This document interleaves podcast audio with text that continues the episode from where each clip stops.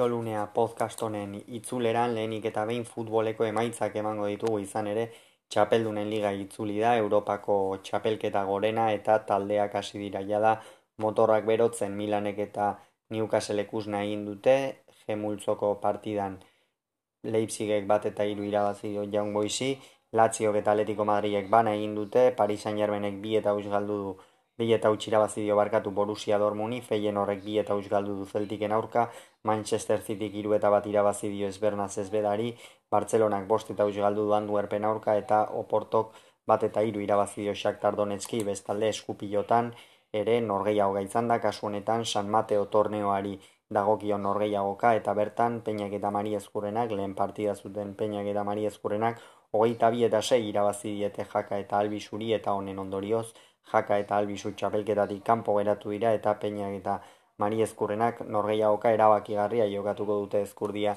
eta rezustaren aurka hauek esan da orain guazen beste albiste batzu jorratzera. Izan ere albiste honak datorzkigu euskaldun hoi piraguari dagokionez, maialen txorrautek eta olatzarregi zilarrezko domine irabazi dutelako eusla eslalon piraguismoko munduko txapelketan libalin ari dira jokatzen, Londresen eta txorrautek eta arregik laia sorribesekin batera lortu dute zilarrezko domina ka batean kanoetan Clara Olazabalek eta Miren Lazkano kordea laugarren postua erdietxe dute denak bask timekoak dira.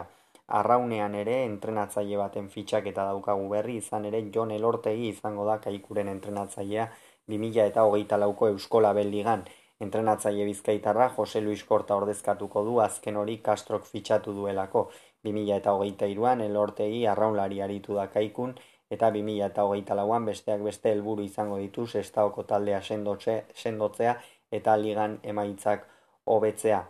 Futbolari dagokionez, futbolarien grebagatik atzeratutako F ligako lehen jardunaldia, urriaren irutik bostera bitartean jokatuko dute.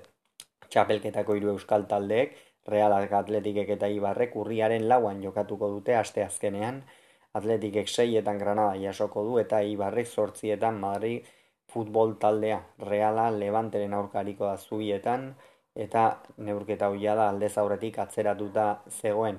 Futbolarekin jarraituz baina baloitikan kanpo Nafarroako fiskaltzak salak eta jarri du. Nahi simoni sadarren egindako irain homofoboengatik ikusle batek irain larriak egin zizkion atletikeko atezainari osasunak eta talde zurigorriak abuztuaren emeretzian iruñean jokatuko, jokatu zuten derbian. Fiskaltzaren arabera gorroto delitua izan daiteke. Bestalde, Marseian Marcelino joateko tanda izan ere Marcelino eta Longoria bai entrenatzaia eta bai presidentea dimititzeko zorian daude kasu honetan Marseilla taldeko zale erradikalenek beste kaos batera eraman dute talde frantziarra une honetan hirugarren sailkatua dena eta Paris Saint Germainen gainetik dagoena. Bestalde, Bartzelonari isuna ipini diote Kamnauko obren ordutegien gatik Bartzelonako udaletxeak bi espediente ireki dizkio talde kuleari eta irureun euroko isuna iritsi daiteke Bartzelonarentzat eta bestalde dirudienez Nagelsmannekin Alemaniak akordioa itxita dauka ofizialtasuna falta da, e, baina landesko entrenatzailea dirudienez Hansi Flicken ordezkoa izango da. Eta orain, lehen txioan esan dugu, nola hemendikan aurrera albiste eta zaparte beste gauza batzuk ere egingo genituen, analisiez at, analisiak pixa bat bazter batean utziko ditugu orain, eta orain guazen, benetan garrantzitsua denera. Kasu honetan, egunero egunero gai desberdin baten inguruan hitze eingo dugu eta gaurkoan emakumezkoen futbolean gertatu den polemikaren inguruan hitze eingo dugu. Beno, emakumezkoen Espainiako selekzioko emakumezkoen selekzioaren arazoa aurretikan zetorren, Rubialesen musu horren aurretikan jada bazetorren izan ere, jokalari askok, hainbat jokalarik, uko egin zioten Jorge Villa entrenatzailearen deialdiei, uko egin zieten eta horren ondorioz sekulako polemika piztu zen komunikatua atera zuten e, bere garaian Jorge Bildak beste jokalari batzuk eraman zituen munduko txapelketa jokatzera, gainera irabazi egin zuten, eta arazoa ordea aurretik baino gero hasi zen eta orain egin du eztanda. Kronologikoki azten baldin bagara noski, lehenik eta behin, aipatu bezala, Jorge Bildarekin zeuden arazoak daude. Kasu honetan, emakumezkoek esaten baitzuten, ez zutela Jorge Bilda euren entrenatzaile moduan ikusten, ez zeudela ados Jorge Bilda emakumezkoen entrenatzaile izatearekin eta horren ondorioz komunikatu bat atera zuten, ba, federazioko estamentuak edo aldatzen ez ziren bitartean, ez zutela bertan jokatuko. Iritsi zen mundiala, Espainiako selekzioa gainera merezimendu osoz irabazi egin zuen, eta aranon sari banaketan Jennifer Hermosori, baimenik gabe, Luis Rubialesek musu bat eman zion ahoan.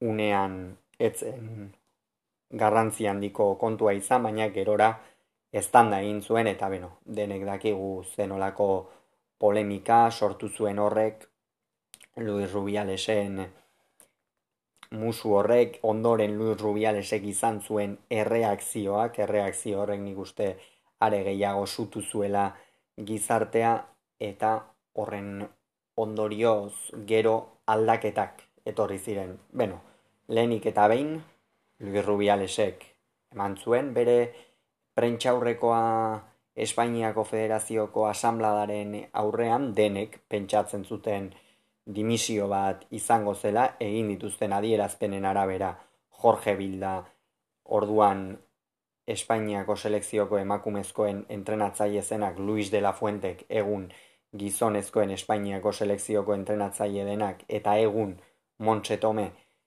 Espainiako selekzioko emakumezkoen entrenatzaile denak dirudienez ez zuten alakorik espero baina txalo egin zuten.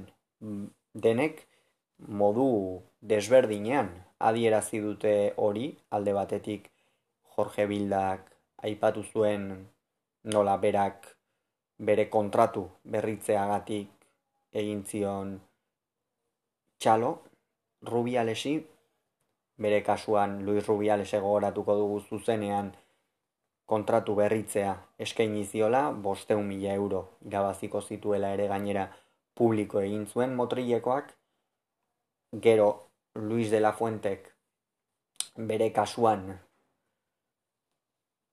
Luis de la Fuentek bere kasuan Espainiako gizonezkoen selekzioko deialdian egin zuen prentxaurrekoa eta egin zituen lehen adierazpenak eta berak esan zuen nahastu egin zela eta inondik inora ez zuela onartzen Luis Rubialesek egindakoa, baina horregatikan ez zuela dimititu behar. Eta gero Montse Tome daukagu azkenik.